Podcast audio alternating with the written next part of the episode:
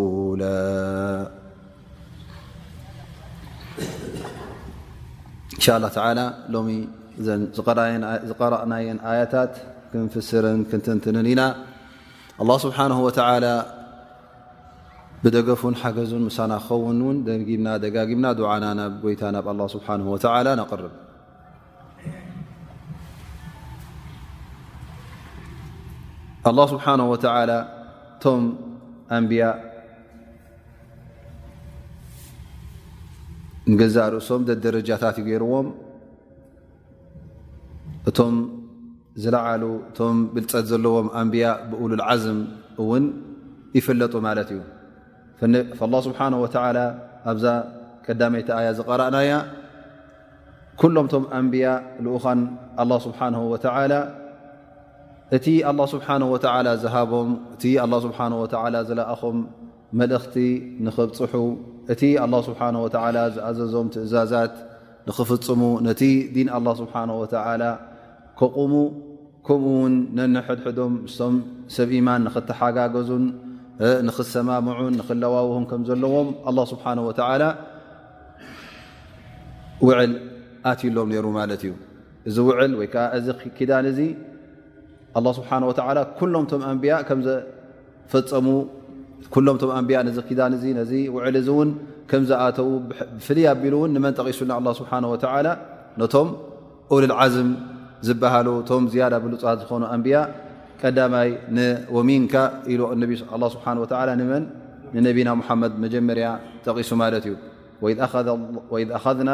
ምና ነብይና ሚثቅም ኩሎ ኣንብያ ነብይን ኣይኖት እዮም እቶም ኣንብያ ኩሎም ማለት እዩ ወሚንካ ላ ስብሓን ወላ ብመን ጀሚሩ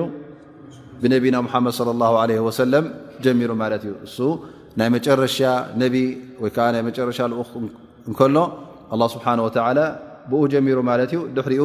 ብተርታ ኣምፅዎም ከምቲ ኣመፃፅኦም ናቶም ሚንካ ወሚን ኖሕን ወኢብራሂማ ወሙሳ ወዒሳ እዚ ተርታ ናቶም ከምቲ ኣመፃፅኦም ከምቲ ኣኣለኣእክኦም ነይሩ ማለት እዩ ላ ስብሓን ወተላ ፍልይ ኣቢሉ መጀመርያ ናይ ነቢና ሙሓመድ ለ ላ ሰለም ብልፀት እውን ንኽርኢ ቀዳምነት ይብዎ ማለት እዩ ካተመ ኣንብያ እንከሎ ናይ መጨረሻቶም ኣንብያ እንከሎ ብኡ ብነቢና ሙሓመድ ለ ላ ለ ወሰለም ጀሚሩ ማለት እዩ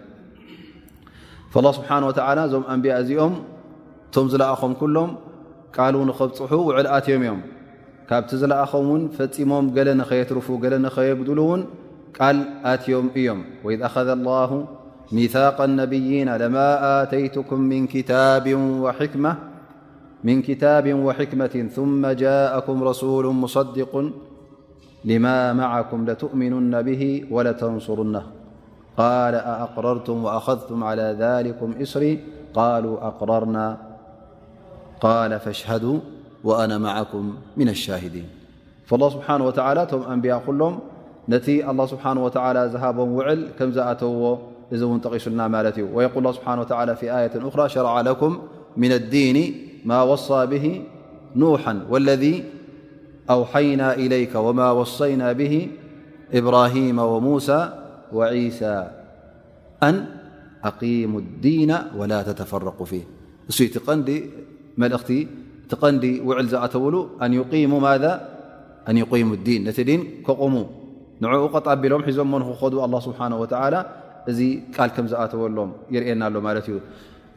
ዝረኸበ ይርከቦም ዝኾነ ዕንቅፋት ይፅንሖም ኣብ መንገዶም ግዴታ ነዚ ዲን እዚ ከቕውሞ ከም ዘለዎም እቲ ዲን ንገዛእ ርእሱ ክተቕሞ ከለኻ ውን ዕንቅፋት ኣለዎ ሽግራት ኣለዎ ግን እንተ በዓል ሓቂ ኮንካ ነቲ መርገፅ ሒዝካዮ ዘለኻ ተኣምነሉ እተ ኮንካ ፈጺምካ ካብቲ ዝኣተኻዮ ውዕል የማን ጸጋም ኢልካ ኣይክትወጽእን ኢኻ ላه ስብሓን ወተላ እዞም ኣንብያ እዚኦም ከምዚ ገይሮም ነቲ ኣላ ዝሃቦም ውዕል ነቲ ምስ ኣላ ስብሓን ወተላ ዝኣትዎ ውዕል እውን እዞም ኣንብያ እዚኦም ቀጥ ኣቢሎም ከም ዝሓዝዎ እውን የርእየና ኣሎ ማለት እዩ ወኣኸዝና ምንሁም ሚثቅ غሊظ ኣይ ሚታቅ غሊዝ ዓህድ ማለት ተሪር ዝኾነ ውዕል ተሪር ዝኾነ ቃል ኢና ካብኦም ወሲድና ነዚ ነገር እዚ ክፍፅምዎ ከም ምዃኖም ፈፂሞም ውን ድሕር ከምዘይብሉ ክዐውትዎ ከም ዝኾኑ ነዚ ዲን እዚ ካብኣቶም ቃል ተቐቢልና ኢና ውዕል ኪዳን ውን ወሲድና ኢና ይብል ኣላ ስብሓን ወተላ ኣብ መጨረሻ ውን ኣላ ስብሓን ወተላ የስኣል ኣሳድቂና ዓን ስድቅህም ኣይ ኣልሙበለغን ኣልሙኣይዲና ቶም ነቶም ልኡኻን ዝሰምዑ ዝነበሩ እቶም በቶም ልኡኻን ዝኣመኑ ውን ክሕተቱ እዮም ፅባሕ ንግሆ ሃል ቶም ኣንብያ እቶም ልኡኻን እቲ ዝተላእኽዎ ልእኽ ኣብፅሖሞ ድኦም ኣየብፅሕዎን እቲ ዝኣመነ ካብኦም ምስክር እዩ ፅባሕ ንግሆ የስኣል ኣሳድቂና ዓን ስድቅህም ብሓቂ ቶም ዝኣመኑ ሃል ቶም ኣንብያ ከ ብሓቂ ነቲ ናቶም ኣብፅሖሞ ዶ ኣየብፅሕዎን ፅባሕ ንግሆ እውን ሕቶ ኣሎ ማለት እዩ ላه ስብሓን ወተላ እዚ እውን ክኸውን ከም ምኳኑ ኣላ ስብሓን ወተላ ይነግረና ማለት እዩ ዓደ ልካፍሪና ዓዛበ ኣሊማ ኣማ እቶም ዝኸሓዱ ካብቶም ሰዓብቲ ናይቶም ዝሓለፉ ኣንብያእ ኩሎም ኣላ ስብሓን ወተላ ክቐፅዖም ከም ምኳኑ የርእየና ኣሎ ማለት እዩ ኣዳልዩ ኣለዎም ከም ዘሎ ነዞም ክሓቲ እዚኦም እቲ ስቃይ ተዳልዩ ከም ዘሎ ንኦም ኣላ ስብሓን ወተላ የብርሃልና ኣሎ ማለት እዩ እዚ ስቃይ እዚ መቕጻዕቲ እውን ቀሊል ኣይኮነን እንታይ ኣ ዓዛበን ኣሊመን ኣይ ሙውጅዓን ብሓቂ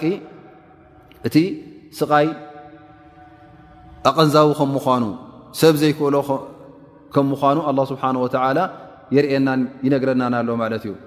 ዘን እቲ ዝኣመነ ፅባሕ ንግሆ ቶም ልኡኻን ከም ዘብፅሑ መልእኽቶም ናብ ህዝቦም ከም ዘመሓላለፉ ክምስክሩ እዮም እቲ ሓቂ እውን ናብ ኩሉ ከም ዝበፅሐ እውን ክነግሩ እዮም እቶም ዝኸሓዱ ሽዑ እንታይ ክግብሉ እዮም ማለት እዩ ዝኾነ ይኹን ምኽኒት ከቕርቡ ይክእሉን እዮም ምክንያቱ እቲ ምስኦም ዝነበረ ህዝቢ ምስኦም ዝነበረ ሰብ እውን መስኪሩ እዩ እዞም ልኡኻን እዚኦም ከም ዘብፅሑ እዘን ልኡኻን ኣይመፁናን ኣይተነገርናን ኣይሰማዕናን ዝበሃል እውን የለን እዘን እቲ ዝኸሓደ እንታይ ኸውን ማለት እዩ እናፈለጠ ዩ ክሒዱ ዘሎ ኣይሰማዕኩን ኣይረኣኹ እተዝበለ እውን ሓስዩ ማለት እዩ ይዓኒ ዩ ነይሩ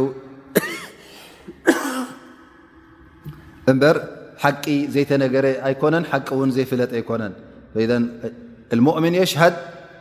በዓል ኢማን ትዝኣመነ ክምስክር እዩ እዞም ኣንብያ እዚኦም ከም ዘብፅሑ ትዝክሓደ ድማ ስብሓ ብሰንኪ ክሕደቱን ብሰንኪ ጥፍኣቱን ኣብ ስቃይ ከእትዎ እዮም ኣላ ስብሓን ወተላ ኣብ ስቃይ ከእትዎ እዩ ነዚ ሰብ እዚ ማለት እዩ ብድሕሪ እዚ ኣላ ስብሓን ወተላ ነቶም ሰብ ኢማን እውን እቲ ዝሃቦም ንዕማን እቲ ዝሃቦም ሽሻይ ብኡ የዘኻኽሮም ኣሎ ማለት እዩ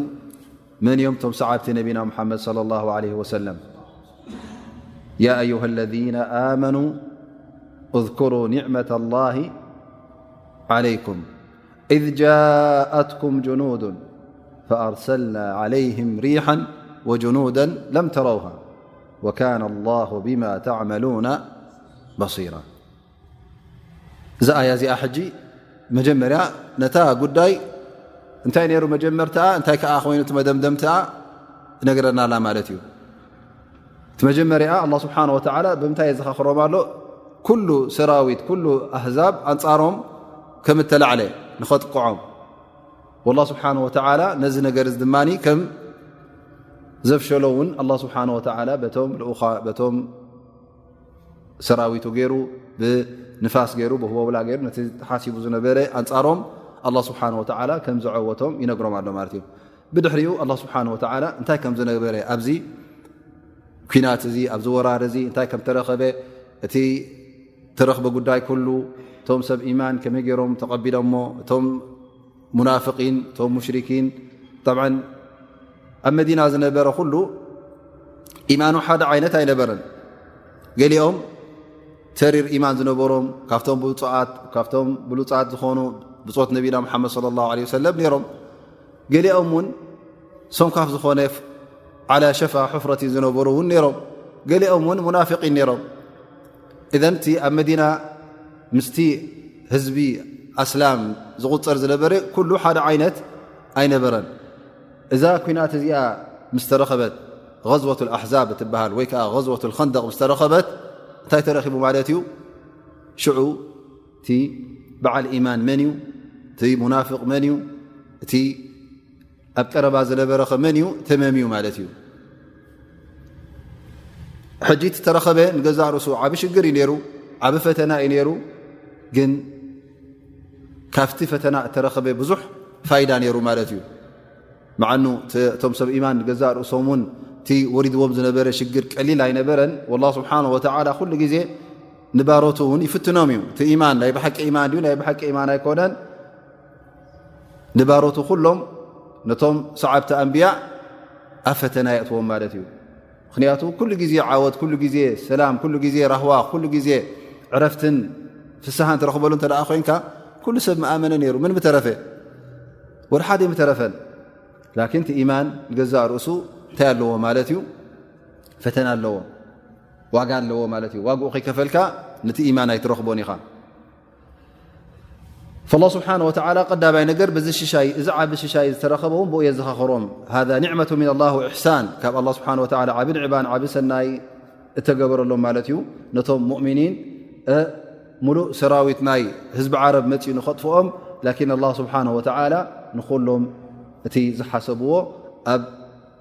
መዓላ ከየውዓልዎ ወይ ከዓ ኣብ ግብሪ ከየውዓልዎ ከም ዝተመለሱ ኣላ ስብሓን ወተላ መጀመርያ ይነግሮም ማለት እዩ ጠብ ብሕፅር ዝበለ እታ ታሽሞ ኣብቲ እተን ኣያታት ኮለን ከይኣተና ከለና እንተ ንዝወት ኣሕዛብ ወይ ከዓ ዝወት ከንደቕ ክንጠቅስ እተ ኮይና ብሕፅር ዝበለ ካብቲ ተፍሲር ከይወፃና ከለና እዛ ወራር እዚኣ ተረኸበትሉ መዓስ ዩ ነይሩ ል ኣነ ሰነ ራቢዓ ኣ ልካሚሳ ምን ኣልሂጅራ ማለት ኣብ ራብዓይ ዓመት ወይ ከዓ ኣብ ሓሙሻይ ዓመት ካብ ህጅራ ናይ ነቢና ሙሓመድ ለ ላ ለ ወሰለም እያ ነይራ ማለት እዩ ብ ነቢ صለ ላه ለ ወሰለም ንመዲና ምስ ሃጀሩ ምስ ፈለሱ ኣብኡ ምስቶም ብፆቶም ፅቡቕ ዝኾነ ናብራ ወይ ከዓ እቲ ዝሓሸ ናይ ኢማንን ናይ ምስርራዕን ናይ ሓይልን ክርእዩ ጀሚሮም ማለት እዩ ኣንፃር ቁሬሽ ተዋጊኦም ተዓዊቶም ድሕሪኡ እውን ኣብ غዝወት ሑድ ወላ ውን ብዙሓት ይሙትዎም ግን ጌና እቲ ሓይሊ ናይ እስልምና እናቐፀለ እና ወስኺ ይኸይድ ነይሩ ማለት እዩ ኣይሁዳውያን ነሮም ኣብ ውሽጢ መዲና ይኹን ኣብ ወሰናስን መዲና እሶም ውን ምስ ነቢና ሙሓመድ ስ ሰለ ወይከዓ ምስ ሓድሽ ዲን ምስ ሓድሽ ሓይሊ መፅኡ ዘሎ ጎነፅ ነይሩ ማለት እዩ በኒ ነዲር ዝበሃሉ ነሮም ምስኦም ጎነፅ ምስ ተረኸበ ነዞም በኒ ነዲር እዚኦም ውን ተሳዒሮም እነቢ ለ ላ ለ ወሰለም ካብ መዲና ንከይበር ክወፁ ከም ዝወፁ ገይርዎም ማለት እዩ ብ እዞም በኒ ነር ሕጂ ቅርሕንቲ ስለ ዝነበሮም ሙኣመራ ወይ ከዓ ውዲት ክገብሩ ፈቲኖም ማለት እዩ እሱ ከዓ እዞም በኒ ነር ካብቶም ኣሽራፍ ናቶም ማለት ካብቶም ሓለፍትን ካብቶም ሽማግልን ካብቶም ዓበይቲ ናቶም ዝበሃሉ ከም በዓል ሰላም እብኒ ኣቤል ሕቀይቅ ወሰላም እብኒ ምሽከም ወኪናን እብኒ ረቢዕ ዝበሃሉ ሰለስተ ሰባት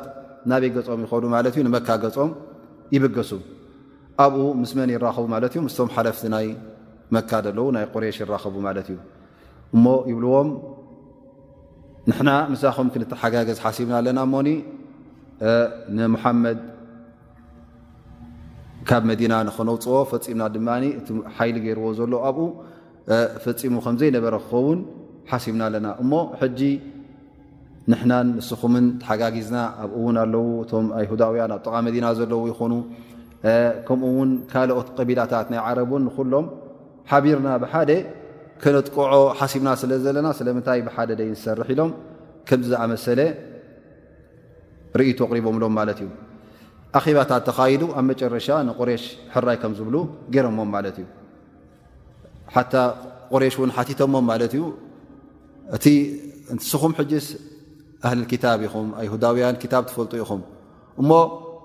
እንታይ ትብሉ ንስኹም እቲ ዲን ምሳና ዘሎ ዶ ይበልፅ ወይ ዝመሓመድ ሒዝዎ ዘሎ ይበልፅ ኢሎም ምስ ሓተትዎም እንታይ ኢሎሞ ማለት እዩ ኣንቱም ኣህዳ ምን ሃኡላ ሰቢላ ንስኹም ባ ትበልፁ ናትኩም ዲን ባ ይበልፅ ኢሎም መዓ ንሶም ሽርክ ኣይኣምንሉን እዮም ብስእልን ምስልን ኣይኣምኑን እዮም ላኪን ፅልኢ ናይ ነቢና ሙሓመድ ለ ላ ሰለም ስለ ዝነበሮም ነቶም ሙሽሪኪን እንታይ ኢሎሞ እቲ ሕዝኩሞ ዘለኹም ዲን ካብ ናይ ሙሓመድ ይበልፅ ኢሎሞ ማለት እዩ ከምኡ ኢሎም ላስ ንኣቡ ሱፍያን እሱኢቲ መራሒ ነይሩ ማለት እዩ ንዕኡ ሕራይ ከም ዝብል ገይሮሞ ማለት እዩ ካብኡ ናብ መን ተበጊሶም ናብ ጠፋን ዝበሃሉ እውን ከይዶም ጠፋን ካልእ ቀቢላ እያ ምስም ውን ናብኦም ከይዶም ውን ዑየይና ብን ሕስን ዝበሃል ምስ ክዛረቡ ጀሚሮም ውን ንኡ ውን ተዘራሪቦም ምስ ማለት እዩ እተሓሲቦዎ ዘሎ ሓሲቡ ዘሎ ሉ ነጊሮ ሕራ ኢሉ ኣትዩ ማለት እዩ ቁሬሽ ምስቶም ሰዓብታን ምስቶም ምስ ልፍንትን ስምምዕን ዘለዎም ንኩሎም ኣኻኺባ ጠፋን እውን ከምኡ ብወገን ነጅድ ዘለዉ ሰባት ቀቢላታት ኣኻኺባ በኒ ነር ልክዕ ንሶም ኣይሁዳውያ ነሮም ማለት እዩ ንሶም ውን ንክስለፉ ተሰማሚዖም ማለት እዩ ዳርጋ ኩሎም ዓሰርተ ሽሕ ዝኾኑ ናበይ ገፆም ይብገሱ ማለት እዩ ንመዲና ገፆም ይበገሱ ማለት እዩ ሓታ በኒ ቁረይዛ እቶም ዳርጋ ኣብ መዲና እዮም ነሮም እዚኦም ኣይሁዳውያን በኒ ቁረይዛ ጣኢፋ ምን ልሁድ ኣይሁዳውያን እዮም ነሮም ኣብቲ ጥቓ መዲና እዮም ነሮም ምስ ነቢ ለ ላሁ ለ ወሰለም እንታይ ነይርዎም ስምምዕ ነይርዎም ማለት እዩ ውዕል ነንሕዶም ንኸዩ ዋግኡ ክተሓጋገዙ ከም ዘለዎም ፀላእ እንተ መፅ ኩሎም ሓደ ኢድ ንክኾኑ ከም ዝኣመሰለ ስምምዕ ነይሮም እዚ ሰብ እዚ ናይ በኒ ነዲር ዝነበረ መፅ ይብሎም ነዞም ኣይሁዳውያን እዚኦም ንሕና ምሳኹም ክንከውን ኢና ሕጂ ከምዝ ከምዝ ተሓሲቡሎ እሞ ካብ ሙሓመድን ካብቶም ሰዓብትን ኩሎም ክንካረጅ ስለ ዝደለና ምሳና እተዉ ምሳና ተሓባበሩ ይብሎ ማለት እዩ እዚኦም ብወገን ምብራቕ መዲና እዮም ነሮም ማለት እዩ ኣብኡ ዕርዲ ነርዎም ቦታ ውን ነርዎም ማለት እዩ እዞም ሰባት እዚኦም በኒ ቁረይዛ ኣብ መጀመርያ ነቲ ተዋሃበ ርእቶ ኣይተቐበልዎም ማለት እዩ ንሕና ኣብ ቀረባ ኢና ዘለና ገለ እተ ተረኪቡ ቁሬሽ እተ ተዋጊኦም ንዓዶም ክምለሱ እዮም ስዒሮም ተሳዒሮም እቶም ቐጠፋን ትብልዎም ዘለኹ እውን ክኸዱ እዮም ላኪን ንሕና እንተ ገለ ተረኪቡ መዓት ኣብ ዝባና እያ ክትወርድ ኢሎም ማለት መጀመርያ ኣብዩ ማለት ላኪን በኒ ቁረ እዞም በኒ ነዲር ናቶም ልኡኻን ዝነበሩ ሕይ ኣክተብና መፀ ደጊሙ ደጋጊሙ መላሊሱና ተመላለሰ ሕራይ ከም ዝብሉ ገይርዎም ማለት እዩ እተዘይ ኣመንኩምኒ ኣነ ኣብቲ ዘለኹዎ ዕርዲ ምሳኹም ክኣት እየ ይብሎም ማለት እዩ ፈነቀዱ ዓህድ እቲ ኣብ መንጎኦምን ኣብ መንጎ ነቢ ለ ላ ለ ሰለም ዝነበረ ሕጂ እቶም እውን ኣፍሪሶሞ ማለት እዩ እዘን መዲና ሕጂ ብኩሉ ተኸቢባ ማለት እዩ ዓሰርተ ሽሕ ዝኸውን ሰራዊት ብኩሉ ሸነኻት ይመፅ ኣሎ ማለት እዩ ነቢ ለ ላ ለ ሰለም እዚ ምስ ሰምዐ እቶም ሰራዊት ኣብ ውሽጢ መዲና ዝነበሩ ኩሎም ክንደይ እዮም ነሮም ሰለስተ ሽሕ ዝኾኑ እዮም ነሮም እዘ ሰለስተ ሽሕ ኣብ ቅድሚ ክንደይ ኣብ ቅድሚ ዓሰርተ ሽሕ ኮይኑ ማለት እዩ ፈምድላዋት ተጀሚሩ እንታይ ክግበር ሰልማን ፋርሲ ካብቲ ዝሃቦ ርእቶ ማለት እዩ ብከባቢ መዲና ዘሎ እቲ ፀላኣይ ብኡ ክኣትወና ዩ ወይከዓ ኣፍራስ ሒዙ ወይዓ ገለ ሒዙ ክኣትወና እዩ ዝበሃል ወገናት እተ ኣሎ ኮይኑ ጎቦ ዘይብሉ ሽንጭሮ ዘይብሉ ነዚ ቦታታት እዚ እንታይ ንግበረሉ ኢሎም ነቲ ሜዳ ዝኾነ ቦታ ጉድጓድ ንኩዓት ከንደቕ ማለት እዩ ኣብ መንጎናን ኣብ መንጎኦምን ምእንቲ ኣፍራስ ይኹና ኣግማል ይኹና ገለስ ከዓ ክሓልፈኦ ዘይክእላ ማለት እዩ ንኩዓቶ ዝብል ርእቶ ሂቡ ማለት እዩ ከምኡ ተገይሩ ኩዓት ተጀሚሩ እነቢ ስለ ላ ሰለም ባዕሎም ኣብቲ ምኩዓት እውን ተሰሊፎም ማለት እዩ ሙሽሪኩን እቶም ሙሽርኪን ምስ መፁ ብወገን ምብራቅ መዲና ጥቃ እሑድ ኣብኡ ዓስኪሮም ማለት እዩ ገለ ካብኣቶም እውን በቲ ወገን ብላዕሊ መዲና መፅኦም ማለት እዩ እዘ ብገለ ብላዕልን ብታሕትን ከምቲ ኣላ ስብሓን ወተላ ዝበሎ ኢጃኡኩም ምን ፈውቅኩም ወምን ኣስፈላ ምንኩም ብኩሉ ሸነኻት መፅኦሞም እነቢ ለ ላه ለ ሰለም እውን ኣብ መዲና ኣብ ውሽጢ መዲና ኮፍ ኣይበሉን እንታይ ደኣ ካብ መዲና ቅሩብ ውፅእ ኢሎም ኣብቲ ወሰናስን መዲና ንመዲና ምእንቲ ክሕልው ማለት እዩ ዝባኖም ንጎቦ ሰልዕ ዝበሃል ገፆም እውን ንፀላኢ ገይሮሞ ማለት እዩ እቲ ጉድጓድ ኣብ መንጎኦም ኣብ መንጎ ነቢ ሙሓመድ ስ ሰለምን ኣብ መንጎቶም ፀላእትን ኮይኑ ማለት እዩ እሱ ጠብዓ እዚ ጉድጓድ እዚ ማለት ሰራዊት ምኩን ሓደ ክል ከም ገለ ገሮም ክሓልፍዎ ክእሉ ማለት እዩ ላኪን ሰራዊት ኩሉ ክሃጅም እተ ደልዩ ከጥቅዕ ክሓልፍ ኣይክእልን እዩ ስለዚ እዚ ጉድጓድ እዚ ይክልክሎም ነይሩ ማለት እዩ እተን ደቂ ኣንስትዮ ቶም ቆልዑት እውን ነቢ ለ ላ ለ ወሰለም ኣብ ፅቡቕ ዕርዲ ዘለዎ ቦታ ኣብኡ ኮፍ ኣቢሎሞ ማለት እዩ ኣብ ውሽጢ መዲና ማለት እዩ ብድሕሪኡ ኣብዚ እዋን እዚ ብ እቲ ናይ ፀላኢ ምኽባብ ነዛ ቦታ እዚኣ ንኸጥቅዕዋ ኣኽቢቦማ ማለት እዩ ንመዲና ዝኣት የለ ዝወፅእ የለ ለይትን መዓልትን ተኸቢባ ትነብር ነራ ዳርጋ ክንደይ ኮይኑ ማለት እዩ ዳርጋ ወርሒ ዝኣክል ዕስራ ክንደይ መዓልቲ ዝኸውን ንወርሒ ዳረጋ ተቀራሪቡ ማለት እዩ ነዛ መዲና እዚኣ ኣኽቢቦማ ማለት እዩ ሓታ ወሰፈ ኣላ ስብሓን ወተላ እቲ ተረኸበ ሽዑ ናይ ጥሜትን ናይ ቁሪ ብርቱዕ ቁሪ እዩ ነይሩ ብርቱዕ ጥሜት እዩ ነይሩ ኣብቲ እዋን እቲ ፍርሃት ነይሩ ላ ስብሓን ወተላ ነዚ ነገር እዚ ክገልፀልና ከሎ እንታይ ሁናሊከ ብቱልያ ልሙእሚኑን ወዙልዚሉ ዝልዛለን ሸዲዳ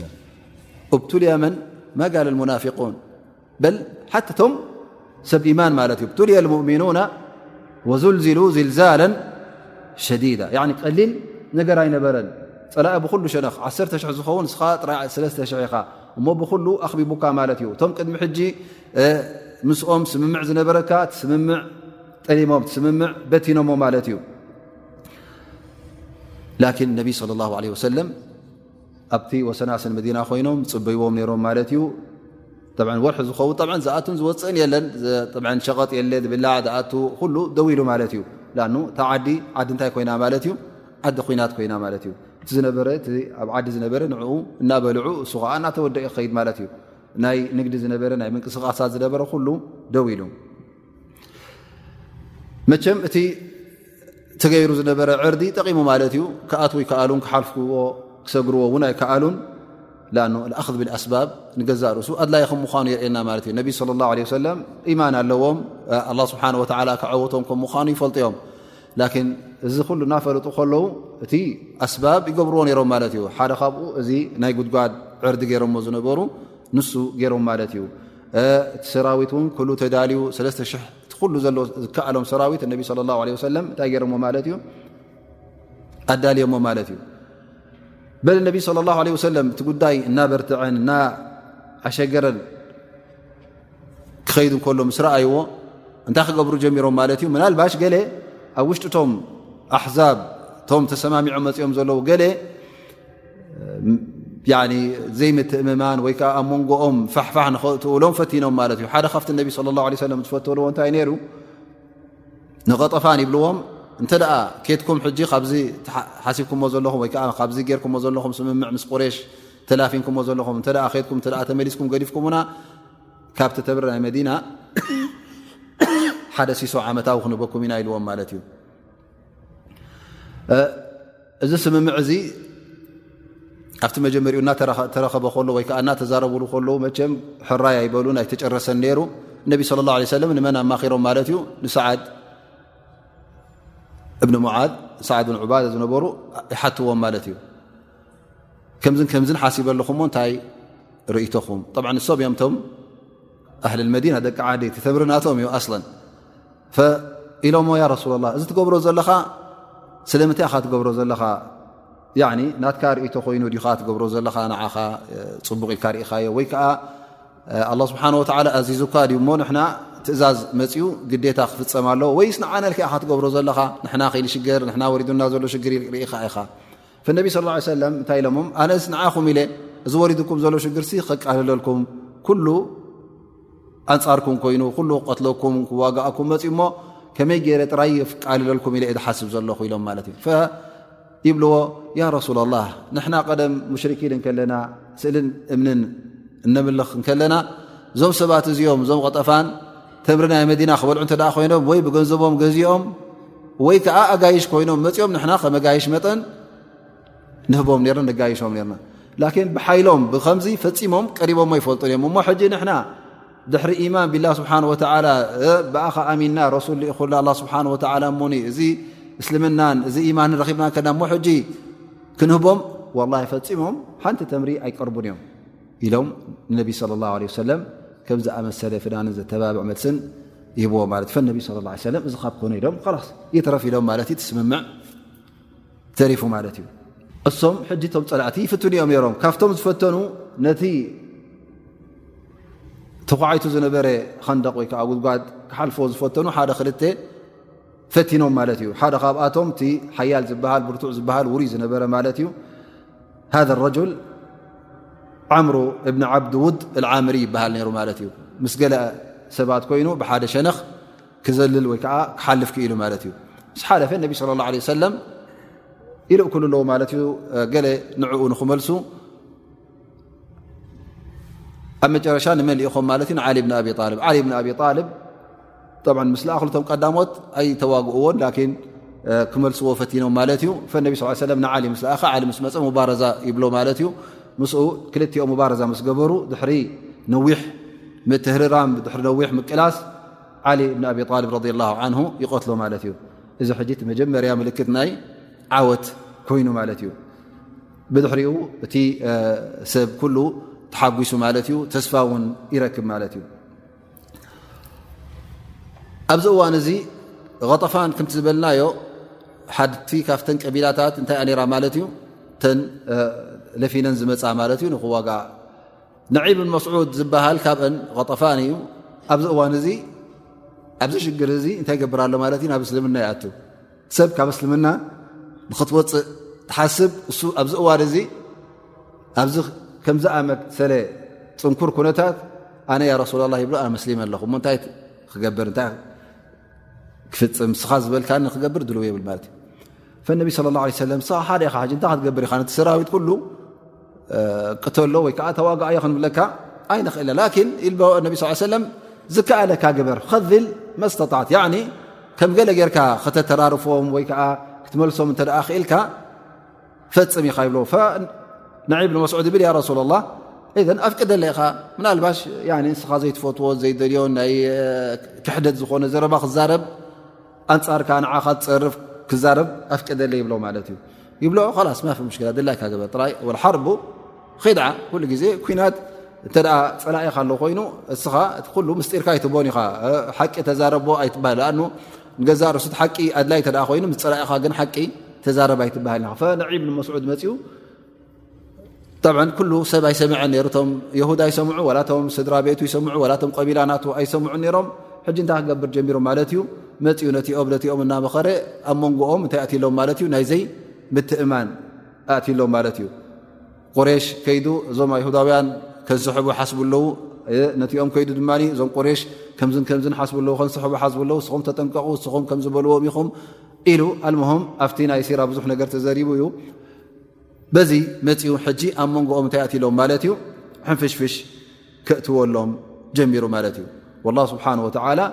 ኣብቲ ሕንፍሽፍሽ ዝኣተወሉ እዋን እውን እንታይ መፅ ማለት እዩ ሓያል ዝኾነ ንፋስ ሓያል ዝኾነ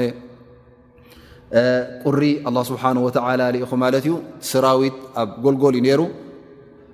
ገይርዎ ዝነበረ ቴንዳታት ተኪልዎ ዝነበረ ቴንዳ ክወድቕ ጀሚሩ የተእስዎ ከም እንደገና የዕርይዎ እንደገና ይወድቕ ሓዊ እንተ ወሊዖም ሓዊ ያጠፍእ እያ ከዓ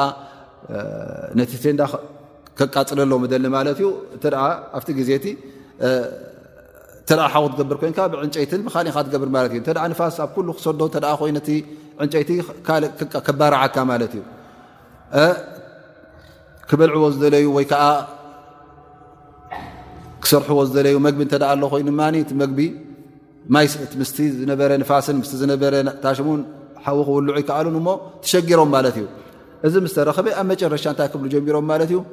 እቲ ጉዳይ እናኸፍአ ከይድሪኦሞ ማለት እዩ እቲ ምትእምማን እውን እናተሰኣነ እቲኦም ገድፉና ድኦም እኦም ክቡና ዮም ስለ ዝበሉ በዚ ኣላ ስብሓን ወላ ዝለኣኾ ናይ ፍርሃት ወሪድዎም ማለት እዩ ኣብ ርእሲኡ ኣላ ስብሓን ወላ ርዑብ ወይ ከዓ ፍርሃት ኣእት ኣለዎም ማለት እዩ ነቢ ስለ ላ ሰለም የል ኑስርቱ ብሰባ ወሰባ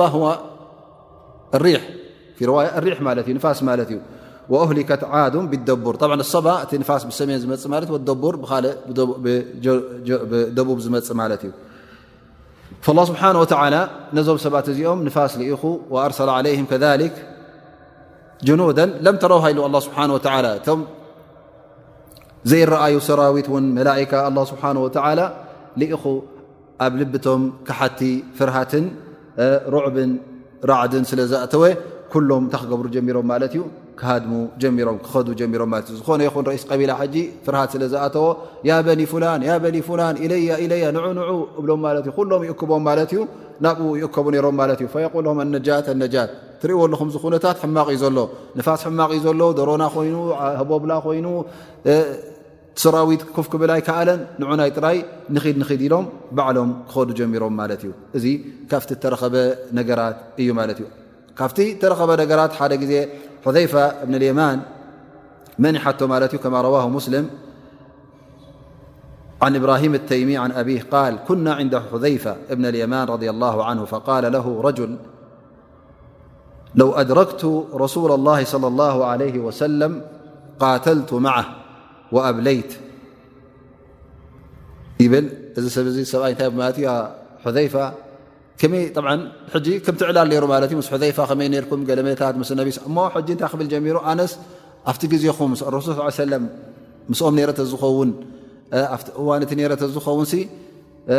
ፈፂመ ንድሕር ኣይምተመለስኩን ነረ ምስኦም ምስ ነቢ ስ ሰለም ተዋጋእኩ ነረ ምስ ነቢ ስለ ላ ለ ሰለም ከምዝን ከምዝን ገበርኩ እናበለ ክጀሃር ጀሚሩ ማለት እዩ በል ፊ ርዋያ ቃል ምስኦም ነርና ተዝኸውን ሲ ፈፂምና ብእግሮም እውን ክኸዱ ኣይመፍቀድና ኣለምውን ናብ ዝባና ተሰኪምናዮም ምኸድና ነርና ይብል ማለት እዩ ሓርብ ዓ ተፈርጅ ሃይን እቲ ዝረኸበ ኩነታት እሱ ስለ ዘይውዓሎ እቲ እስልምና ምስ ረገአን ሓይሊ ምስ በርትዐን ስለዝመፀ ኣብዚ ኩነታት ስለዝመፀ ሕጂ እንታይ ይመስሎ ማለት እዩ ቀሊል ነገር ከም ምን እንሳን ረኣው ነቢ ለ ላ ለ ወሰለም ወለም ይእሚኑ ክንደይ ነይሮም ምስ ነቢ ስ ሰለም እናረኣይዎም ከለዉ ክሒዶም ሙናፍቒን ኮይኖም ኩሉ ር እናረኣዩ ካብ ነቢ ለ ላ ለ ወሰለም لذي هر بالكانفحذيفةفقال له حذيفة أنت كنت تفعل ذلك صرل بل أننر لقد رأيتنا مع رسول الله صلى الله عليه وسلم ليلة الأحزاب في ليلة ذات ريح شديدة وقر فقال رسول الله صلى الله عليه وسلم ألا رجل يأتي بخبر القوم يكون معي يوم القيامة يأو ألا رجل يأتي بخبر القوم يكون معي يوم القيامة كم لم انبي صلىال عيه وسلم والصحابة ل د ن ل م و مشركين يم ل ويوم القيامة يكون معي يوم القيمة كي حر لم ولا ح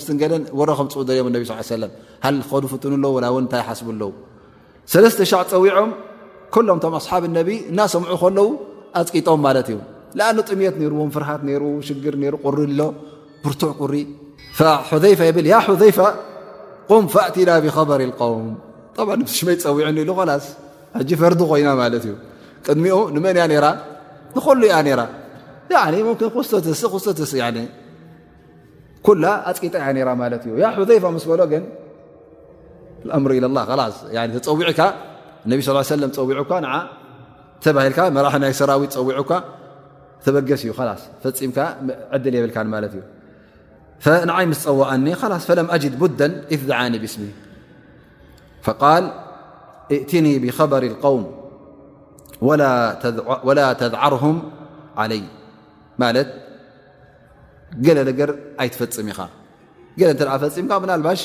ካልእ ነገር ሓስቦ ላኪን ኣነ ጥራይ እንታይ ከም ዝገብሩ ዘለዉ ወረ ጥራይ ኣምፃኣለ ይብሎ ማለት እዩ ሕራይ ኢሉ ምስ ተበገሰ ቃል ፈመضይት ከኣነማ ኣምሺ ፊ ሓማም ማም መቅሱድ እዚ ሓማም ቡኻር ማለት እዩ ከምዚ ናይ ትኪ ዘሎ ወይ ከዓ ሙቕ ኮይለ ኸላስ ምስ ተበገስኩ ትቑሪ ዝነበረ ኩሉ ጠፍኡ ይብል ማለት እዩ እኸይድ ኣለኹ ኣብቶም ሙሽርኪን እውን ይበፅሕ ማለት እዩ ንመን ርእ ማለት እዩ ኣብ ስፍያን ኣብ ስፍያን ክሪኦ ከለኹ ብ ክቱር ቁሪ እብል እንታይ ክገብር ረኺበዮ ካነ የስሊ ظህራ ዝባኑ ክፅሎ ረኺበዮ ቁሪ ኮይኑ ማለት እዩ ظህረ ዓ ናር ኣነ ሕጂ ካብኡ ኮይነ እውን ማቲግራማ ገይረ ምቐተልክዎ ነይረ ክቀትሎ ውን ሓሲበ ዘከር እታይ ዘኪረ ነቢ ስ ሰለ ሓንቲ ትግበር ስለ ዝበለኒ ላስ ሕጂ መሊሰያ ይብል ማለት እዩ ብ ኣብቲ እዋን እቲ እውን ኣብ ሱፍያን ሽግራት ኩሉ ሪኦ ነበረ ብ ዶሮና እዩ ሩ ሓንቲ ትርኢ ነብርካ ኣብ ሱፍያን ምናልባሽ ፀላእ ገለ ከይመፀኩም ብል ኣንቱም ሰራዊት ተጠንቀቕ ኢኹም መን ይጠቃኹም ን ከምዘሎ ተረጋገፁ ኢሉ ዓው ኢሉ ክዛረቦም ሰሚዐ ይብል ማለት እዩ ሕጂ ኣነ ናብቲ ጥቃይ ዘሎ ክይቅድመኒ ንሱ ኣነ ቀዲመ የብል ማለት እዩ መን ኢኻ ኢለ ኢሉ ኣነ እከለ ወዲ እከለ ኢሉኒ ኢሉ ላስ ብ ንሱ ሓተተኒ ሩ ላስ ሕጂ ከም ዋና ኮይነ ማለት እዩ ከምኡ ኢሉ ምስ መለሰሉ ላ ሱቕ ኢሉ ማለት እዩ እንታይ ገብሩ ከም ዘለዉ ሽግር ወሪድዎም ከም ዘለዉ እንታይ ሓስቡ ከም ዘለዉ ሕጂ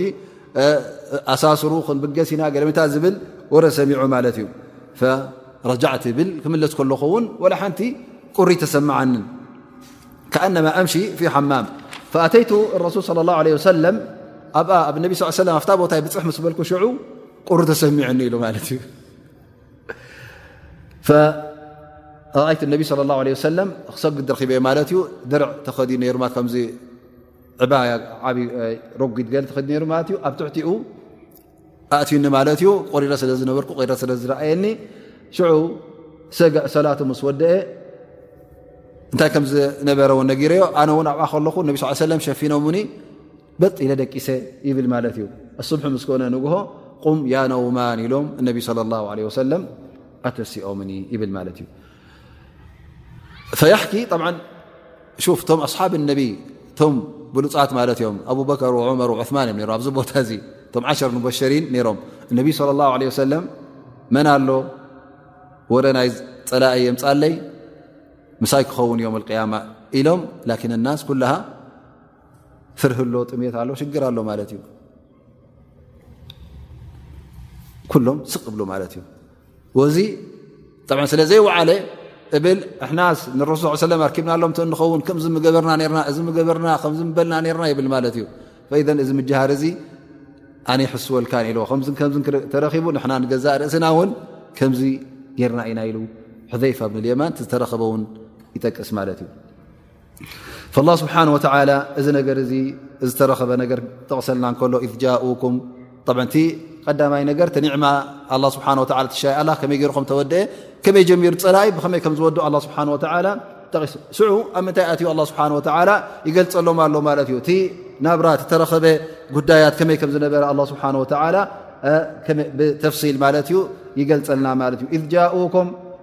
ምን ፈውቅኩም ኣይ ኣሕዛብ በቲ ብሸነክ ላዕሊ መፅኦ ብኹም ምን ኣስፈላ ምንኩም ብላዕሊ መዲና ብታሕቲ መዲና ብኩሉ መፅኦማ ማለት እዩ ማለት ተኸቢቦም ማለት እዩ እቶም በኒ ቁረይዛ ተኣሚኖ ብወገን ምብራቕ ዝነበሩ ይእመን እዮም ዝበሃሊ ዝነበሩ እሶም ጠሊሞም ማለት እዩ በል ቃል ወኢድ ዛغት ኣብሳር ወበለغት ቁሉብ ሓናጅር ብክቱር ፍርሃት ማለት እዩ ራዕዲ ስለ ዝኣተዎም ዛቀት ኣብሳር ኣንቲ የማን ፀጋም ጀሚራ ማለት እዩ እንታይ ከም ላስ በ ላስ እታይ ፀላ እተ ኮይ ኣ ፍርሃት እተ ኮይኑ ሓደ ዓይኑ እንታይ ይኸውን ማለት እዩ የፋጥጥ ዛቀት ኣብሳር ወበለغት ቁሉብ ከምኡ ውን ትፍርሃት ማለት እታ ልቢ ልብኻ ልክዓ ምንታይ ከም ዝደየበት ትኸውን ማለት እዩ ኣብ ጎረሮኻ ትትንፋስ ንገዛእ ርእሱ ይብየካ ተظኑ ብاه لظኑን ظኑ ኣይ من كان مع النبي صلى الله عليه وسلم نبينا محمد صلى الله عليه وسلم نبرنزارسم ظنوا أن الدائر على المؤمنين مالم سبإيمانت نبينا محمد صلى اله عليه وسلم آمنوا خلاص كسعريو مالتي وقال محمد بن إسحاق في قوله تعالى وإذ زاغت الأبصار وبلغت القلوب الحناجر وتظنون بالله الظنونا قال ظن المؤمنون كل ظن ونجم النفاق مؤمنين بزح نجرات حسبه مالتي تور والنفاق تم منافقين بزحجي ت قبر جمير مالتي كر جمير مالتي حتى قال معتب بن قشير هذا ارجل نتيبل مالتي كان محمد يعدنا أن نأكل من كنوز كسرى وقيصر ወኣሓዱና ላ የቅድሩ ዓላ ኣን የዝሃባ ኢለ ልጋኢጥ ኣብዚ ኩነታት እዚ ሕጂ ቶም ሙናፍቅ ሓደ ካብቶም ሙናፍቒን ሙሓመድ ኩኑዝ ቂስራ ናይቶም ነጋውስ ናይ ፋርስ ናይ ሩም ናቶም ንክንበልዕ ቃል ይኣትወልና ነይሩ ወይ ከዓ ክትበልዑ ይኹም ኢሉ ይዛረበና ነይሩ ሕጂ እንሀልካ ደኣሲ ንሕና ንቐልቀል ክንወፅእ እውን ንኽእል የለና ማለት ኣብ ዘለናዮ ቦታ ኢና ንሸይን ዘለና እዩ ዝብል ዘሎ ማለት እዩ ብክቱር ሓደ ሰብ እ ፈሪሁ እንታይ ክገብር ማለት እዩ ፀልማት ኣይክኸይድን እዩ መፅውክታ ዘለዋ እዩ ዝተርፍ ማለት እዩ ፈظና ሙናፊقን ሙሓመድ እቶም ሙናፍቒን እቶም የሁድ እቶም ሙናፍቒን እቶም ሰንኳፍ ኢማን ዝነበሮም ነቢ ሙሓመድ صለ ላه ለ ሰለም ይኹን እቶም ብፆቶም ክሰዓሩ እዮም ዝብል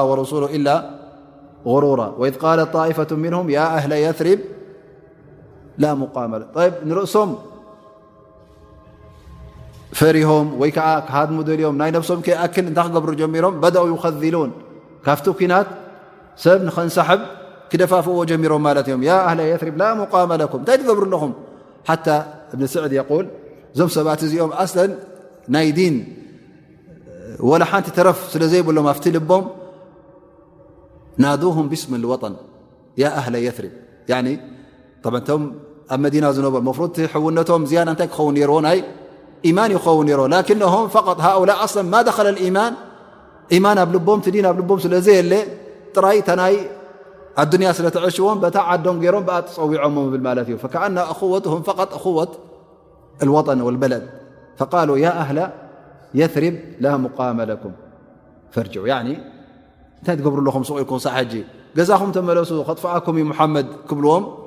ጀሚሮም ማለት እዩ ፈዘ ነብሶም ዘይኣክል ንመን ነብሶም ሃዲሞም ዘይኣኸሎም ሲ እንታ ካልኦቱ እንታይ ክገብሩ ጀሚሮም ማለት እዩ ካልእ ሰብ ንኸንሰሕብን ንኸሃድምን ክደፋፍኡ ጀሚሮም ማለት እዩ ላ ሙቃመ ለኩም ፈርጅዑ ምስ ነቢ ስ ሰለም ኣብዚ ዕርዲ እዚ ደዋይ ትበሉ ንገዛኹም ደኣ ተመለሱ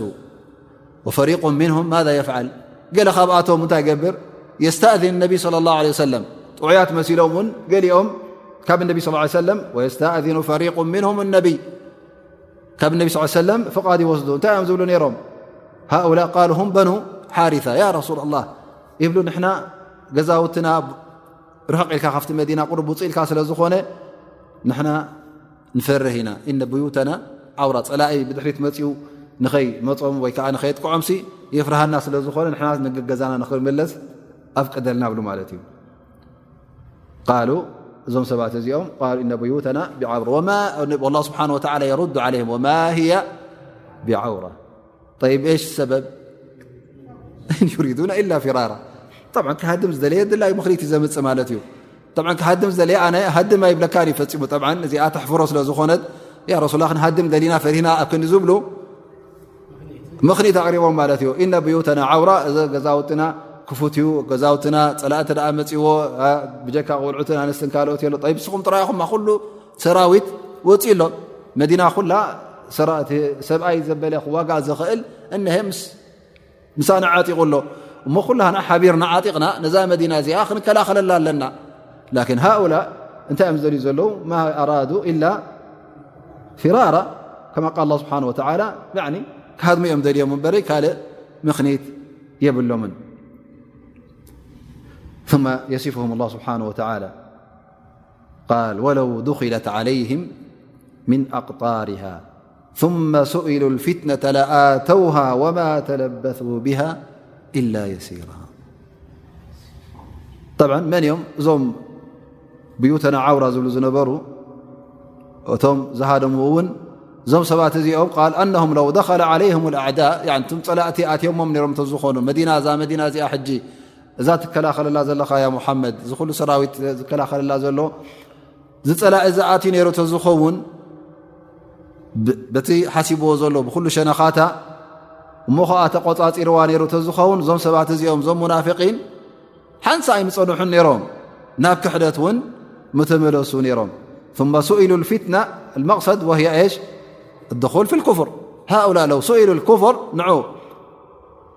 ካብቲ እምነትኩም ካብቲ እስልምናኹም ውፁ እተዝበሃሉ ነይሮም ሽዑ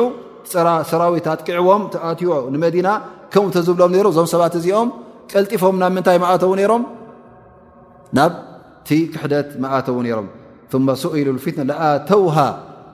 ብጉያ መእተውዋ ነይሮም ማለት እዘ ሃኡላ እቲ ኢማን ንገዛእ ርእሱ ፈፂሙ ኣብ ልቦም ኣይተሰቆሮምን ማለት እዩ ወም ላ ይሓፊظና ላ ኢማን ወላ የስተምሲኩና ብሂ ኣድና ሙስተምሰክ ማለት እዩ ስለዚ ምስ ዝኾነ ፍርሃት እተ መፅዎም ዝኾነ ፈተነ እተ መፅዎም እዞም ሰባት እዚኦም እናተጓየዩ ነቲ ኢማን ክገድፍዎ ማለት እዩ ፈም ኣመኑ ና እቲ ኢማኖም ንገዛእ ርእሱ ናይ ዱንያ ደልዮም እዮም ኣ እምበር ናይ ኣራ ድልት ከም ዘይብሎም ይርእና ማለት እዩ ፈዘመም ላ ስብሓን ወተላ ሁና غየት ኣዘም ወለቐድ ካኑ ዓሃዱ ላ ምን ቐብል ላ የወሉን ኣድባር እዞም ሰባት እዚኦም ቀደም ንሕና ያ ረሱላ ላ መሳኻ ኢና ፈፂምና እውን ድሕር ኣይንብልን ኢና ኣብዛ ክሰትካና ኩናት ክንሳተፍ ኢና እናበሉ ዓብዱላ ብን ኡበይ ብሰሉ እንታይ ገብር ነይሩ እነቢ ለ ላ ለ ሰለም መፅኦም ቅድሚ ኹጥባ ከይክጥቡ ከለዉ እንታይ እየ ዝብል ነይሩ ተሲኡ ኣዩሃናስ ዝብሎ እዚ ዩ ረሱሉ ላ ዝብለኩም ስምዕዎ ዝበለኩም ግበሩ እናበለ ይዛረብ ወህዋ ራእስ ሙናፍቒን የقሉና ብኣፍዋህም ማ ለይሰ ፊ قሉብህም እቲ ብኣፎም ዝዛረብዎ ኣብ ልቦም የለን ማለት እዩ ፈተስምዐም ትዕጅቡክ ክዛረቡ ከለዉ ዘረብኦም ጥዑም ትሪኦም ከለኻ መልክዖም ፅቡቕ ላኪን ልቢ እንተ ዳኣ ርኢኻዮ እቲ ልቢ ቦኽቧኽ ማለት እዩ ሓንቲ ኢማን የብሉን ማለት እዩ ላ ተغረነ ኣልሱን እቲ ናይ ብሓቂ ብሓቂ ዓይና እዩ እቲ ናይ መልሓስ ኣይኮነን እንታይ ኣ ናይ ልቢ ጉዳይ ከም ምኳኑ ክንፈልጥ ኣለና ማለት እዩ ስብሓ እዞም ሰባት እዚኦም ንነቢ ሓመድ ሰለም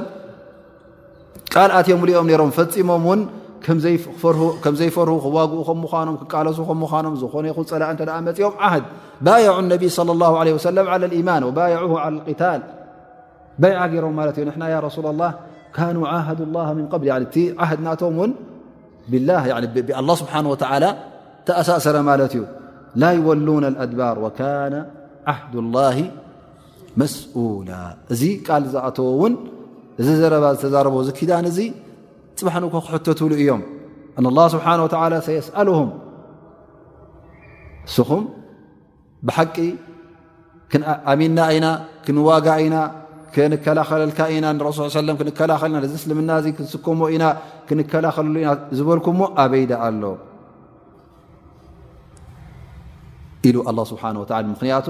እተ ውዕል ኣቲኻ ቃል እተ ኣቲኻ ኣላ ስብሓን ወላ ብዝያዳ እተ ኮይኑ ብቢልላ ኢልካ ብቃል ኣላ ስብሓን ወላ ዝኣተኻዮ ዓህድን ዋዕድን እተ ኮይኑ እዚ ነገር እዚ ቀሊል ኣይኮነን ማለት እዩ ወኩሉ መን ቃል ላኢላሃ ኢላ ላ ኢሉ ሙሓመድ ረሱሉ ላ ኢሉ ዝኣመነ እንታይ ማለት እዩ ተሸሃድ እ ኣላ ስብሓን ወተላ ላ ዋሕድ ወወ ልኢላህ እሱ ጎይታኻን እሱ ኣላ ስብሓን ወተላ ፈጣሪኻን ኣዛዚኻን ከም ምኳኑ ነቢ ሙሓመድ ስ ሰለም ልኡኽ ጎይታ ከም ምኳኑ እንተ ተኣምን ኮይንካ እዛ ሸሃዳ እዚኣ ንገዛእ ርእሳ እተ ነጢቕካዮ እንታይ ማለት እዩ በቲ ኩሉ ኣላ ስብሓን ወተላ ዝኣዘዘካ በቲ ነቢና ሓመድ ስ ሰለ ኩሉ ሒዞሞ ዝመፁ እንታይ ማለት እዩ ብኡ ቐጢልካ ክትከይዲ ኻ ቃል ትኣት ዘለኻ ማለት እዩ እንታይ ማለትካ ኣ ኣላ ስብሓን ወተላ ጎይታይ ከም ምዃኑ እምስክርን የረጋግፅን ኣለኹ ትብል ዘለኻ እንተ ደኣ ከምቲ ጉቡእ ዘይተምልኾ ከምቲ ጉቡእ ዘይትምእዘዞ እተ ኮንካ ንሱ ዝበለካ እተ ዘይትፍፅም ኮንካ እቲ ሸሃዳ ናትካ ንገዛ ርእሱ እንታይ ማለት እዩ ጎደሎ ሸሃዳ ማለት እዩ ላኪን ከምቲ ዝበልናዮ ወልኢማን ደረጃት እቲ ዝኸፍአ ደረጃ እቶም ስም ናይ እስልምና ሒዞም ብሓቂ ግን ናይ ክሕደት ሰባት ዝኾኑ እቶም ሙናፍቒን እዮም ኢልና ማለት እዩ ኣለዎ ድማ ካብቶም ሰብ ኢማን ኢማን ኣለዎ ላኪን እቲ ኢማን ደረጃ ስለ ዝኾነ ወልኢማን የዚዱ ወየንቁስ ኩሉ ሰብ ኢማኑ ሓደ ኣይኮነን ፈኢማን ኣቡበከር ስዲቅ ኣብዛ እማ እዚኣ እሱ እቲ ዝለዓለ ኢማን ማለት እዩ ተተረኣኻዮ ድማ እቶም ካልኦት ካብቶም ኣስሓብ ነቢ ስ ሰለም ጀሚርካ ብድሕሪኦም ዝመፁ ክሳዕ ዝለሙ ዘለናዮ እንተ ርእኻ እውን ኩላና ሓደ ዓይነት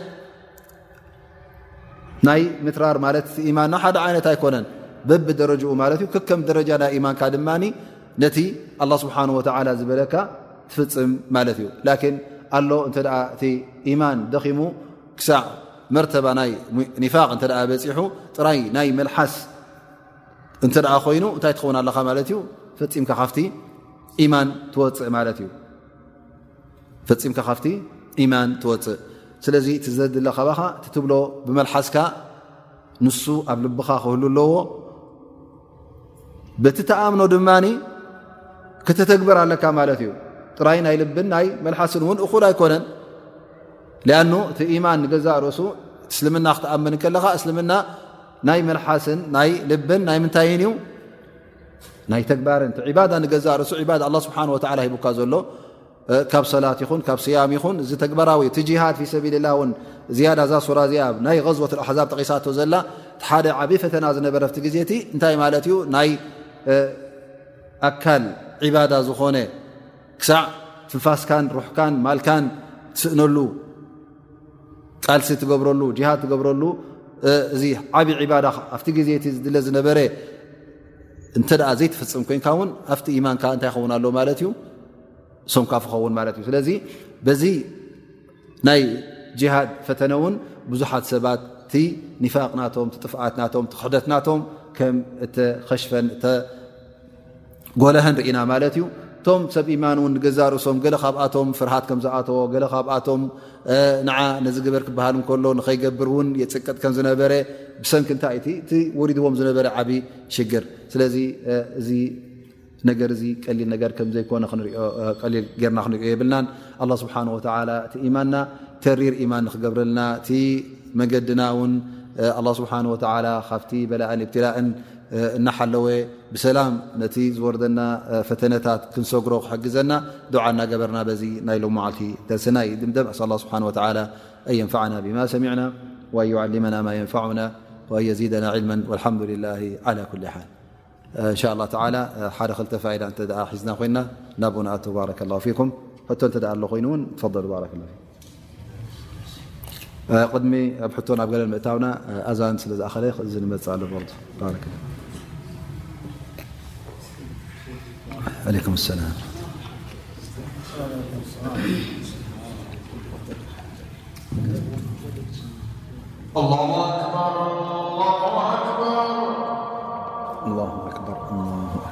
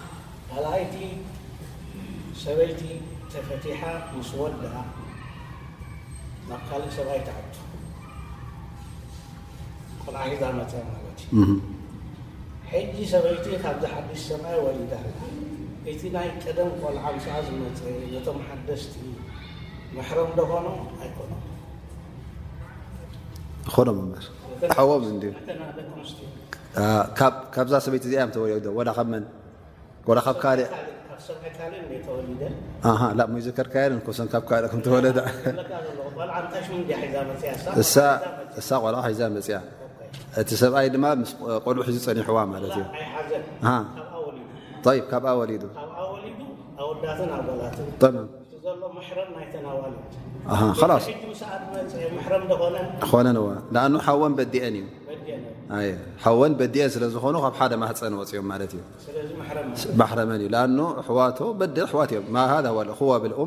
ዋ ብል ማለት እዩ በዲኦም ኣሕዋት ስለ ዝኾኑ ማሕረመን እዩ ማይ ጁዝ ይዘወጅ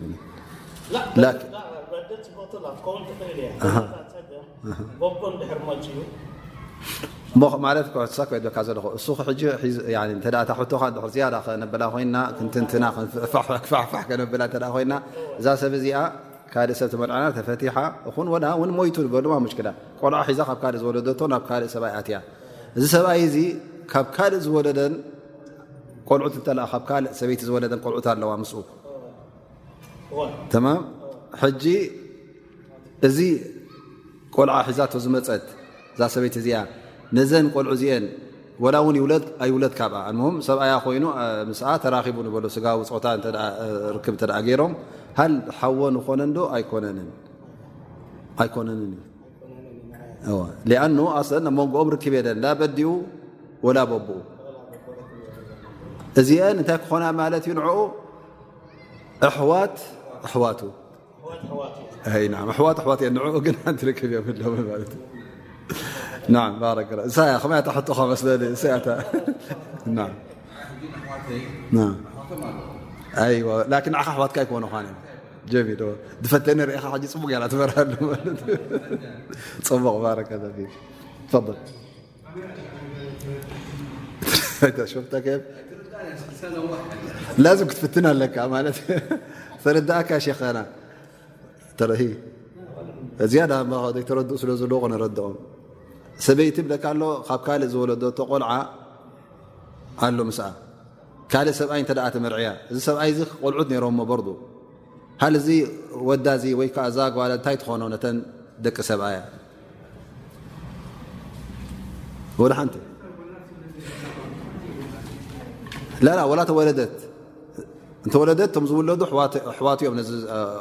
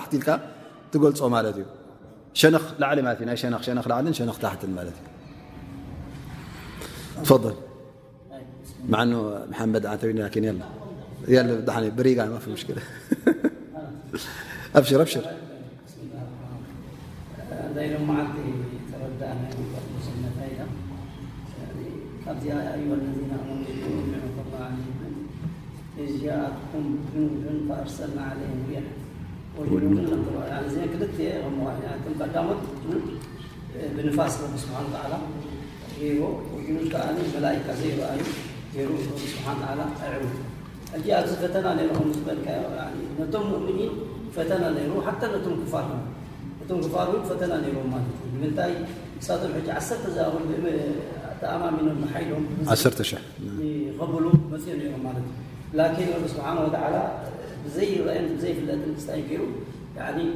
ኣዕዊትኩም ሕጂ ሓይሊ ዘይረኣ ዘሎ ሰብ ስብ ሓቂ ከም ዘሎ ያኒ ዋድሕ ነይሩ ማለት እዩ እዚ ነገር እዚ ናም ዓቢ ተኣምር እዩ እዚ ዓቢ ተኣምር እዩ ክፈልጥዎን ክኣምኑሉን ይግባእ ነይሩ ማለት እዩ ላኪን ከኣ ዝኣመኑ እውን ኣሎ ወስታይት ኣይኮነን ወረቢ ከኣ ስብሓን ወተዓላ ኣብቲ ኩናት ነቶም ሙእሚኒት ከኣ ከም ዝነበሩ ይሪኦም ከም ዘሎ ያኒ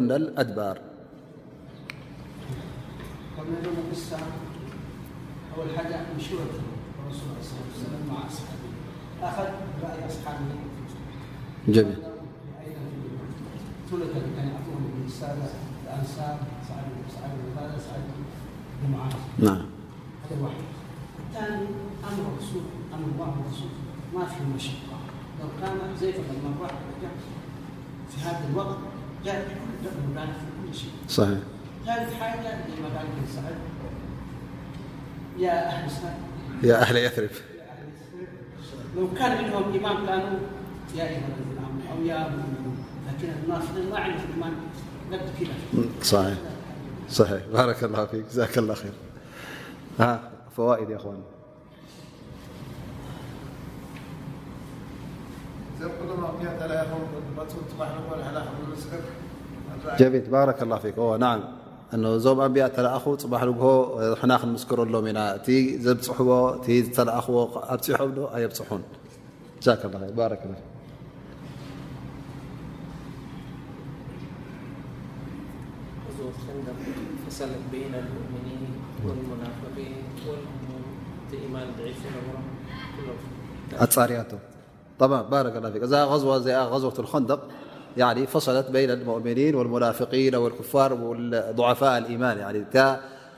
ካነት ፊትና ዓላ ኩል ሓል እቲ ዝነበረ ፈተና ኣጻሪዎም ማለት እዩ መን እዮም ቶም ሙእምኒን ናይ ብሓቂ መን እዮም ቶም ሙናፍቒን መን እዮም ቶም መንጎ መንጎ ዝነበሩ ላንጋላንጋ ማእከላይ መርገጽ ረጊጾም ዝነበሩ እዚኦም ኩሎም እንታይ ገራቶም ማለት እዩ እዛ ቐዝዋ እዚኣ ፈቲናቶም ማለት እዩ ጠብዐ ዝኾነ ይኹን ሽግራት ከጓንፍ ከሎ ንዝኾነ ሰብ ኢማን እቲ ሽግራት ዝወርድ ኩሉ ግዜ ብሓደ ዓይኒ ክትሪኦ የብልካ እንታይ ደኣ ብክልተ ሰለስተ ዓይነ ክትሪኦ ኣለካ ማለት እዩ ምክንያቱ እቲ ዝወርድ ምናልባሽ ሽግር ኮይኑ ፅንኩር ኩነታት ኮይኑ ዝሰማዓካ ዳኣ እምበር ካብኡ ሽሻያት ዝወፅእ ኣሎ ኒዓም ታእቲ ሚን ልሚሓን ታእቲ ኒዓም ታእቲ ሚን ልሚሓን ወሚሓን ወሚናሑን ይዕጢሃ ላ ስብሓን ወተላ ምን ፈናያ ልሚሓን ፈተና መፀካ ካብዚ ፈተና እዚ ግን ብዙሕ ኒዕማ ኢካ ትርኢ ማለት እዩ ኩሉ ግዜ እውን እቲ ፅንኩር ኩነታት ክትሪኦ ከለካ ብስራታት ኣሎ ማለት እዩ ካብቲ ዝረኣናዮ ብስራት ከምቲ ዝበልናዮ ነቢ صለ ላه ለ ሰለም ኣብቲ እዋን እዚ ሙናፍቅ እዚ ንሕናስ ቀልቀል ክንወርድ ንኽእል የለና ዝብል ዝነበረ ኣብዚ እዋን እዚ ካብ በኒ ቐጠፋን ንዒም ብንበስዑድ መፅኡ ኣነ ብስልምና ኣት ኣለኹ ኢሉ ማለት እዩ እቶም ኣብ እስልምና ኣብ ዓዲ እስልምና ዝነበሩ ካብ እስልምና ንክወፁ ይፍትኑ ኣብ ሰዓት እዚ ድማ ኣብ ክሕደት ዝነበረ ረቢ ዝፈተወሉ እንታይ ገብር ማለት እዩ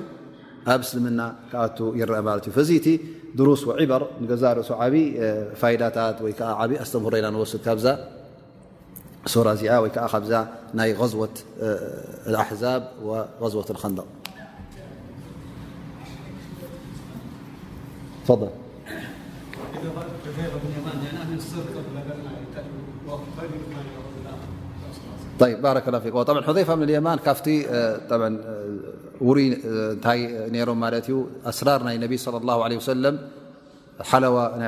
ናይ ነቢ ስ ሰላም ምስጢር ዝሕሉ ዝነበረ ንሱ እዩ ማለት እዩ ብዙሕ ምስጢራት ናይቶም ሙናፍቒን እውን ነቢ ስለ ላه ለ ሰለም ነጊሮሞ ነይሮም ማለት እዩ ስለዚ ሑዘይፋ ብን ልየማን ክትሪእዎም ከለኻ ካብቶም ቀልልቲ ብፆት ነቢና ሙሓመድ ለ ላه ለ ሰለም ኣይነበረን ካብቶም ነቢ ስ ሰለም ዝኣምኖም ዝነበረ ሰብ ዩ ነሩ ማለት እዩ ኢማኑ ዘብል ኣይኮነን ላን እንታይ ርእካ እንታይ ብል ኣሎ ኣብቲ እዋን እቲ ነቢ ስ ሰለ መን የምፃልና ወሪኦም ክብል ከሎ ኣነ ቁርን ታሽሚ ስለ ዝተሰምዓኒ ሱቕ እየ ይብል ማለት እዩ ን ምስ ተፀዋዕኩ ላስ ዘይተርፈኒ ስለዝኾ ተፀዊዐ ላስ ተስየ ይብል ማለት እዩ ላኪን ሹፍ እቶም ሰብ ኢማን እቶም ናይ ብሓቂ ኢማን ዝነበሮም እቶም ምስጢር ናይ ነቢ ስ ሰለም እውን ዝሕልው ዝነበሩ ነቢ ስ ሰለም ዝኣምኖም ዝነበረ ኣበይ ናይ ሽግር እዮም ነሮም ማለት እቲወሪድዎም ዝነበረ ሽግር ክሳዕ ክንደይ ንኦም እውን ኣሸጊርዎም ነይሩ ንኦም ክሳዕ ክንደይ ኣፍሪህዎም ነይሩ እቲ ዝነበረ ጥምት ዝነበረ ቁሪ እውን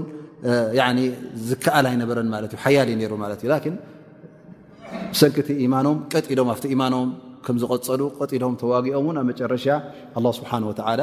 ዓዊትዎም ማለት እዩ ትፈል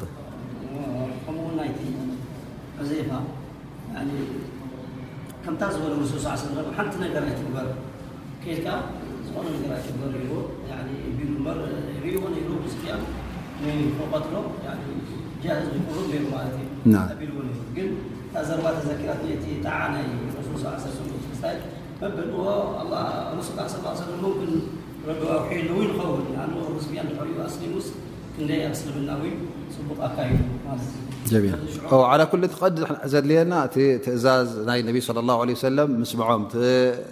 ቐንዲ ሽግር ውን ኣብ ኩናት ሑድ ተረኸበ ካብ ትእዛዝ ናይ ነቢና ሓመድ ص ሰለ ስለ ዝወፁ እታ ኩናት ካብ ኢዶም ወፅያ ማለት እዩ ሕጂ እውን ሕዘይፋ ብ የማን ካብቲ ናይ ነቢና ሓመድ صለ ه ለ ሰለም ትእዛዝ ወፅ ነይሩ ተዝኸውን ሽግራት መጓነፈ ነይሩ ማለት እዩ ኩሉ ግዜ እቲ ጣዓት ነቢ صለ ላه ለ ወሰለም ናይ ዓወት ምልክት ከም ምኳኑ እተ ነቢ ስ ሰለ ጣዓ ጌርካ ተማእዚዝካ ትእዛዝ ስብሓ ሒዝካ ትኸይድ ተ ኣለካ ኮይንካ ኣብሽር ብነስር ስብሓ ወላ